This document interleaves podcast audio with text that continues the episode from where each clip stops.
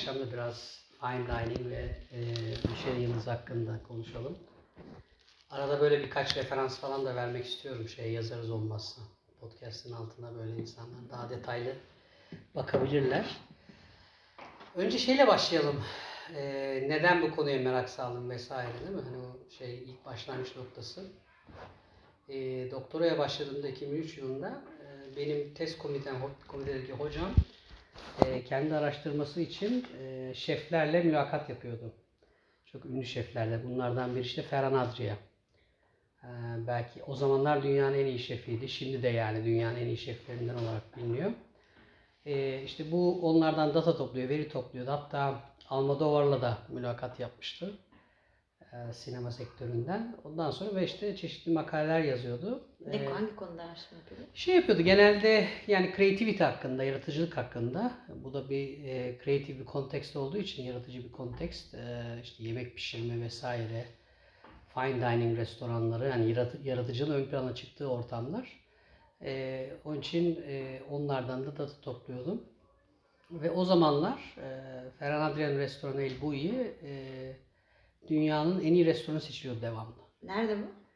Ee, şeyde Roses var Figueres'e yakın. Ha. Roses'in hemen üstünde yani sınıra yakın, Kadakes'e yakın bir yerde. İspanya'da. İspanya'da. Ee, üç tane restoran vardı. Bu üçü hep başa güreşiyordu bu üç restoranda. Ee, işte bir şey var, bir ranking var. Dünyanın en iyi 50 restoranı. Bu üç restoran devamlı ilk üçe giriyordu. Bir işte El Bulli oluyordu, bir Noma oluyordu Kopenhag'da. Bir de Fat Duck vardı o da İngiltere'de. Bu üç restoran devamlı birinci, ikinciliği, üçüncülüğü paylaşıyordu. Şey gibi izliyorduk biz de yani böyle e, herhangi bir sportif faaliyeti maçı gibi ya kim birinci olacak bu sene işte birinci, ikinci, üçüncü ve Şampiyonlar Ligi gibi e, şeyde yani Michelin Yıldızlı restoran arasında bu üç restoran arasında büyük bir yarış vardı. E, o zamanlar e, bu konu ilgimi çekmeye başlamıştı. Sonradan işte yavaş yavaş zaten biraz da böyle sosyolojik anlamda da e, çeşitli makaleler okudum, incelemelerde bulundum ve ta- tahmin ediyorum 2013 yılında da bundan 8-9 sene önce ilk defa bir Michelin Yıldız restorana gitmiştim. Yani País Basco'da, Victoria şehrinde, Bask bölgesinde. Ondan sonra yavaş yavaş bunu e, biraz daha deneyimlemeye başladım. Yani benim bu konuya ilgim biraz bu hikayeden dolayı. Kendi hocamın bu konuda yaptığı araştırmalar, yazdığı makaleler zaten onda bir iki makalesinde referans verebiliriz. Sonradan şey ilgimi çekti. Yani bu gastronominin ve fine dining konseptinin alanının, kültürel alanının hani cultural field diyorlar, oluşumu. Fine Tarihi. dining Türkçe'ye nasıl çeviri var mı Türkçe'de bir terim bunun? Yani fine Gurme dining- falan gibi çevirebilir miyiz? Yok. Çok mu karşılamıyor onu? Yok Gurme tam ile. karşılamıyor yani. Ben de bilmiyorum açıkçası tam çevirisine bakmadım. Ee, Bir de Türkiye'de zaten Lüks Michelin restoran, hani güzel yenen restoran e, vesaire denebilir. Ama bizdeki olay daha farklı. E, Türkiye'yi de konuşuruz biraz. Yani Türkiye'de bu konsept biraz daha yanlış algılanıyor. Sadece ambiyans ağırlıklı, e, lüks ambiyans ağırlıklı yerler. Her zaman orada sunulan yemekler bu standartları karşılayamayabiliyor. Fine dining standartı. Hatta işte Türkiye'de neden bir şey yıldız restoran yok onu da bir konuşuruz. Ee, bir ara. Yani aslında da birkaç tane e, Michelin Yıldız'a aday olabilecek restoran var ama Michelin Yıldız Türkiye'de çıkmıyor. Hı hı. Ondan diye Michelin rehberi Türkiye'de çıkmıyor. Biraz ondan dolayı rehber çıkmadığı için yıldız vermiyorlar aslında. Bir iki tane restoran olabiliyor ama az. Yani İstanbul gibi 15 milyon nüfus için e, o konuda biraz gerçekten e, az restoran bu e, kategorilere, bu standardı sağlayabilir. Her neyse şimdi e, bu e, gastronomi alanının oluşumu vesaire benim tabii ilgimi çeken bir konuydu. E, işte bu olay hatta haute cuisine diyorlar, high cuisine. Hı hı. E, Fransa'da doğan bir şey. E, bu konu senin de ilgini çekecektir. E, yani bu Fransız devriminden sonra e, eskiden şefler aristokrasinin emrindeyken olay biraz daha halka açılmaya başlıyor. Burjuva yine onlar. Aynen, yani- geçiriyor. Yani bu çok private house'larda yemek yaparken tamamen onların emrine amadayken restoran galiba şeyi konseptik 1760'larda falan çıkıyor şeyde Fransa'da gene çok Fransa'da etkili. aynen. Fransa'da çıkıyor. Ondan sonra yavaş yavaş işte gastronomi alanı Fransa'da şekillenmeye başlıyor ve bütün dünyayı aslında etkiliyor. Ee, işte bu high cuisine dediğimiz haute cuisine hikayesi. Ee, ilk e, şefler e, yavaş yavaş yani restoranlarda kendi işte kimliklerini, e, yemek pişirme kim- kimliklerini oluşturmaya başlıyorlar.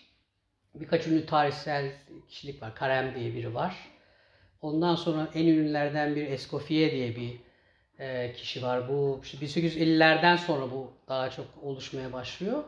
E, 1900 başlarında da işte asıl e, klasik kuzin, yani Fransa'nın o ünlü kuzini oluşmaya başlıyor. Çok enteresan aslında Paris çok iyi yemek yenen, çok böyle restoran ortamının olduğu bir yer. Yani e, 1830'larda bile 3000 restoran var mesela. Yani bunu düşünün 180 sene önce yani şehir aslında ciddi anlamda çok fazla sayıda restoran var. Ve e, yavaş yavaş bu bahsettiğim Escoffier'le beraber e, bu gastronomi alanı iyice gelişmeye başlıyor. Mesela ilk a la carte menüyü Escoffier buluyor.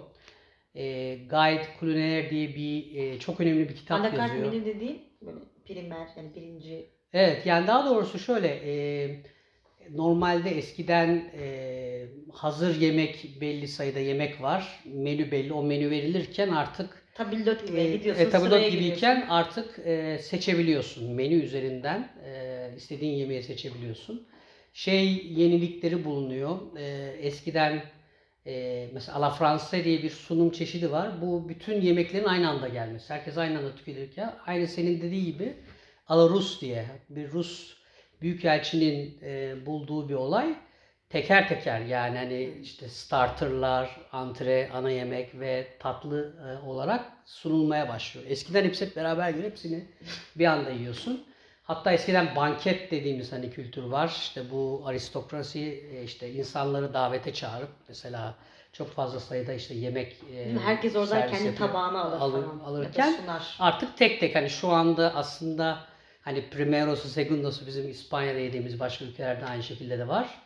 Ee, tarz, yeme tarzı e, işte o dönemlerden gelen bir şey. Yani aslında bayağı geriye giden bir şey ve o gelenek devam ediyor günümüze kadar.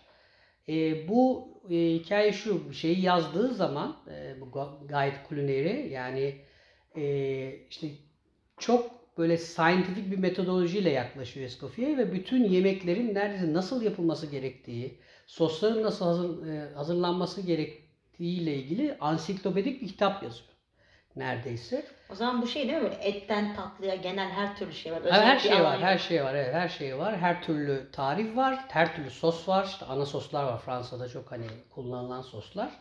Ee, ve onların tamamen nasıl yapılması gerektiğini kodify ediyor. Yani sen o şeyi alıyorsun, kitabı alıyorsun, ezberliyorsun tarifi ve o şekilde e, uygulaman gerekiyor yemek yapacağın zaman. E, bayağı uzun bir süre bu şekilde devam ediyor. Fakat bunun şöyle bir e, handikapı var, dezavantajı var. E, aşçının konumu biraz zanaatkar gibi oluyor.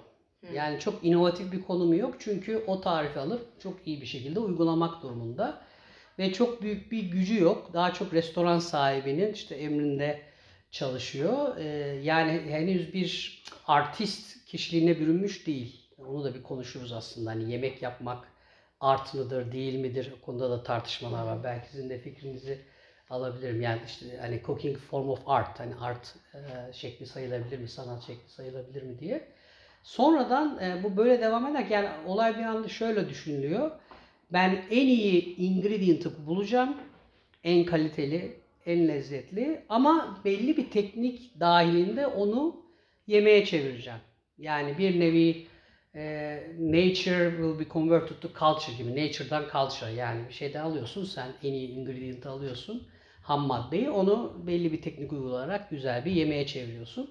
Ama hepsi codify edilmiş, hepsi yazılmış. Belki scientific olarak bir şekilde anlatılmış. Ee, ve bir noktadan sonra 60'larda, 1960'larda e, işte bazı Fransız şefler e, ama çok bilinen önemli şefler buna karşı çıkmaya başlıyorlar. E, diyorlar ki en azından bizim bu işin merkezinde olmamız lazım. Bizim hani bir şekilde inovasyon yapmamız lazım. Yaratıcılık e, e, yaratıcı, yaratıcılığımızı ön plana çıkarabilmemiz lazım diye karşı çıkıyorlar. Buna nouvelle cuisine diyorlar. Yeni kuzin. Orada bilirsin e, o dönemlerde 60'larda vesaire Fransa'da çok ciddi bir nouvelle akımı var. Edebiyatta var, sinemada var, yeni yeni dalga vesaire akımı. Tiyatroda var, eleştirmenlikte var. Bu şeye de yansıyor. Yani e, yemek yapmaya da yansıyor, gastronomiye de yansıyor. E, ve e, bilinen e, convention'ları, bilinen e, teknikleri biraz alt üst etmeye başlıyorlar. Mesela farklı ingredientlar kullanmaya başlıyorlar. E, farklı kombinasyonlar kullanmaya başlıyorlar. Mesela bizde de vardır aslında. E, Türk mutfağı da bazen konservatif olabiliyor. E, mesela normalde balıkla kırmızı eti beraber kullanmazsın. Hı hı. Değil mi? Mesela aslında Katalan e, gastronomisinde var Mari Montanya. Yani yemek ve dağ. Yani hem et, kırmızı et kullanıyorsun hem e, tavuk kullanabiliyorsun. Mesela en langosta var. E, tavuk ve ıstakoz aynı tabakta e, değil mi? Beraber sunabiliyorlar. Amerikan steakhouse'larında da surf and turf vardır. Bazı steakhouse'larda işte bir ıstakozla bifteyi beraber sunabilir. Normalde bu tür şeyler konvansiyona karşı. Yani çünkü e, değişik, alışık olmayan kombinasyonlar yapılması çok istenmiyor. Çünkü aynı teknik uygulanması gerektiği için. Bu sefer şef gerçekten her şeyin merkezine oturuyor. Yani zanaatkardan yavaş yavaş belki biraz artist değil mi? Sanatçı tarafına kaymaya başlıyor. E, restoranın sahibi olmaya başlıyor ya da işte yatırımcısı oluyor vesaire. Yavaş yavaş ön plana e, çıkıyor. E, mesela Asya'dan çeşitli şeyler import edebiliyorlar. Ingredient'lar, ham madde kullanabiliyorlar. İşte soya sosunu vesaire kullanıyorlar. Biraz böyle çok e, alışı gelmiş şeylerin, Bir de yani ürünlerin baharatlar dışına çıkıyorlar. gibi şeyler artık çok ulaşılabilir hale geldi. Bir Evet. zamanın tuzu, şekeri, baharatı çok pahalı bir şeyken şimdi artık Her yerden her yerden bulabiliyorsun. Japon mutfağının çok etkisi oluyor Fransa'da o dönem. İşte Japon mutfağından e, bayağı bir şeyler alıyorlar. Mesela e, yavaş yavaş o etkileri günümüzde de görmeye başlıyoruz. Çünkü mesela ben işte bir bu País Vasco'da e, Bask bölgesindeki restorana gittiğimde kadayıf vardı mesela. Kadayıfı kullanmışlar ama şeyde e, normal tuzlu olan bir yemekti. Ana yemekti, Ha. tatlı değil. Yani kadayıf biçiminde şaşırmıştım yani. Çok alakası İspanyol mutfağında e, normalde onu kullanmazsın işte eski klasik kuzinde. E, böyle değişik kombinasyonlar vesaire şaşırtıcı e, kombinasyonlar kullanmaya başlıyorlar. Bir yandan e, biraz böyle artık e, inovatif bir kişiliğe bürünüyor gerçekten yemek yapma. Çok fazla sürprizlere gebe, farklı kombinasyonlar. Ondan sonra daha sonraki dönemde geleceğim bayağı ciddi artık yemeğin ya da ham maddenin formunu değiştirerek çok farklı tatlara ulaştırarak e, işte seni e, bir yerden sonra şaşırtmaya başlıyor. Zaten hani Ferhan Adriyar'a yapılan, yapılan röportajlarda size göndermiştim. Yani e, benim restoranım en iyi restoran değil diyor. En, en inovatif restoran diyor. En iyi restoran senin sevdiğin yemeğin verildiği restoran diyor. Yani köşedeki çok iyi bir kebapçı da en iyi restoran olabilir senin için. Ama en ön inovatif olmaya çalışıyorum diye bir röportajında bunu belirtmişti.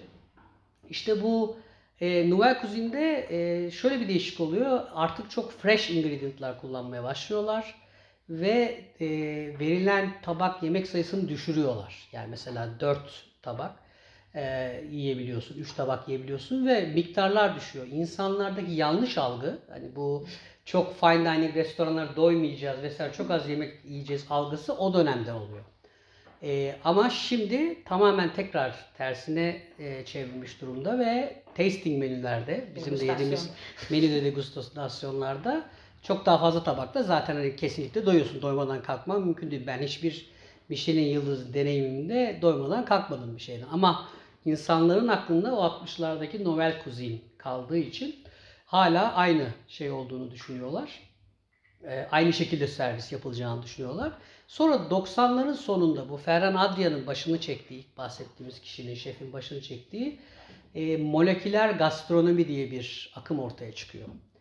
E, bunu aslında biraz da karşılar şefler. E, daha böyle farklı isimler kullanıyorlar. Mesela işte e, Nörogastronomi. Yok Ferhan, Ferhan Adria'nın kullandığı kelimelerden biri techno emotional diyor mesela. Tekno- Teknoloji ile e, duyguları bir araya katıyor.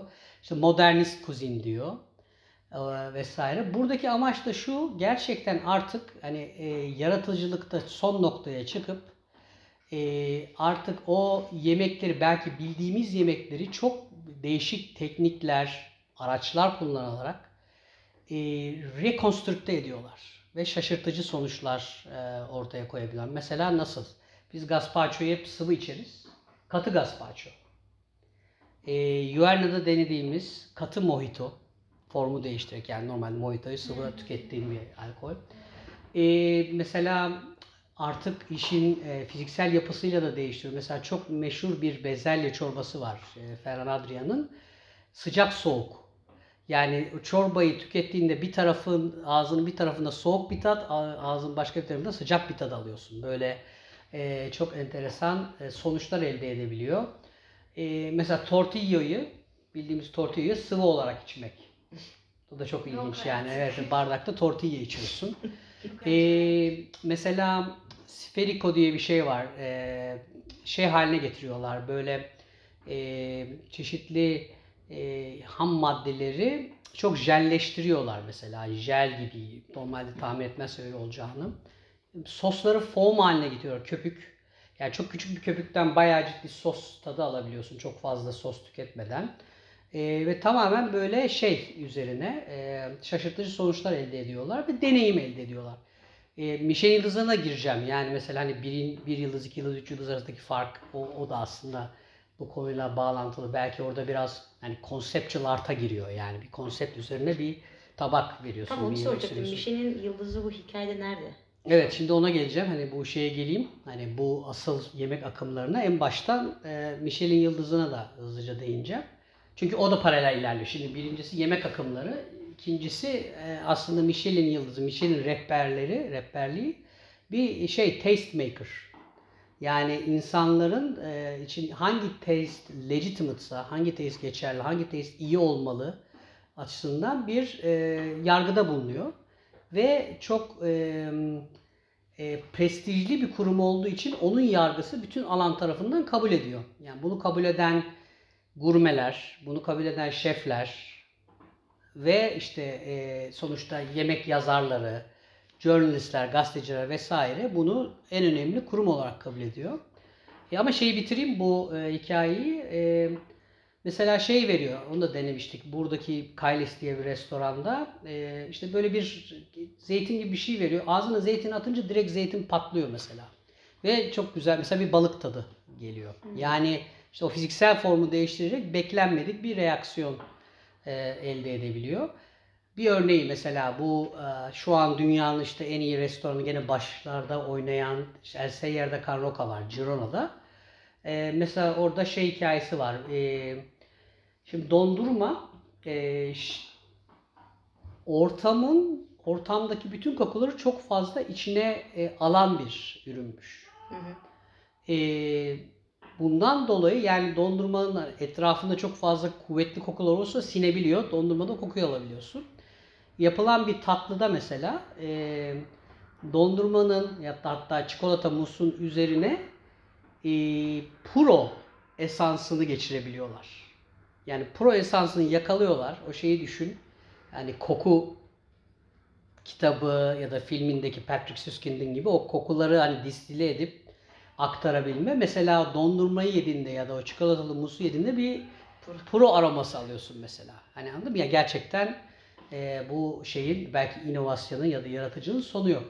E, ama genelde yaptıkları teknik dediğim gibi bir tane şey alıyorsun. E, mesela standart bir diş ya da standart bir ürünü alıyorsun, yemeği alıyorsun. Onu bir parçalıyorsun. Yani bir şekilde komponentlere ayırıyorsun, deconstruct ediyorsun. Sonra tekrar değişik bir şekilde reconstruct ediyorsun. Yani sana o tadı veriyor ama çok farklı bir şekilde veriyor. Yani senin o ürünle ilgili olan algını çok değiştiriyor.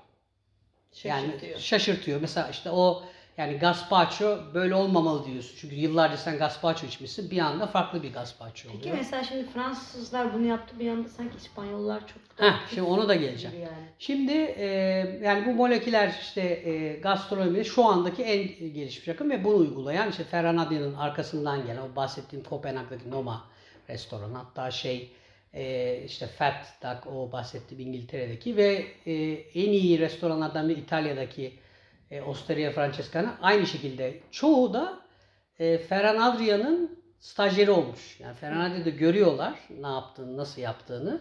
Ondan sonra e, onu kendi işte yorumlarını katıp kendi restoranlarını işte açıp vesaire uygulamaya başlıyorlar. Şimdi Michelin'e gelelim. Peki bu arada bu 1 2 3'ü ilk 50'yi seçen kim oluyor? Ha, Yani şimdi şöyle, e, Michelin e, rehberi yıldız veriyor. Hı. En e, yani prestijli diyelim kurum bu işle uğraşan. Bir de İngiltere'de bir yayıncı da e, World's 50 Best Restaurant Ha, diye. Bunu söyledim. Aynen. o. bir yayın yapıyor. Ee, o da prestijli. Yani Michelin yıldızı bu en iyi restoran demiyor ama yıldız veriyor. Öbürü en az sıralama da yapıyor. Yani ikisini zaten Bir, birkaç kurum var yani bunu. evet bunu en e, ciddi anlamda yapan ve en çok ciddi alınan bu iki kurum diyebiliriz. İşte şeyde de Amerika'da da Zagat diye böyle bir guide var, rehber var vesaire ama asıl bu olay tabii Avrupa merkezli yani Michelin'den dolayı daha çok gastronomi ama tabii ki e, şu anda son dönemde Japonya'da işte Hong Kong'da da çok iyi restoranlar, Singapur'da aynı şekilde Amerika'da da bu iş artmaya başlıyor.